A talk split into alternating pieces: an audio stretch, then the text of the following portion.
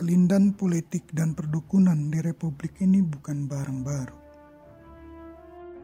Sejak era raja-raja Jawa sampai presiden, keduanya saling memberi warna dalam berbagai kisah maupun perbincangan.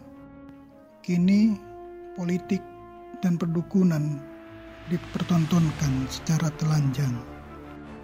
Ketelanjangan perdukunan semakin marak di media sosial saat ini.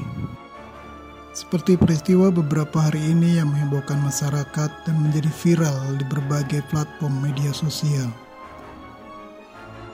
Sang Presiden Dunia Alam Gaib yang menamakan dirinya Kisabdo Jagat Royo mengunggah video gladi resiknya dalam persiapan pelantikan Presiden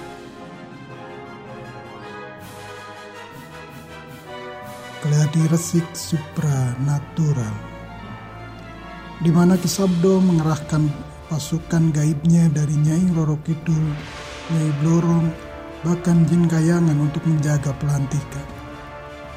Kisabdo bilang, dirinya disuruh Jokowi untuk mengamankan pelatihan.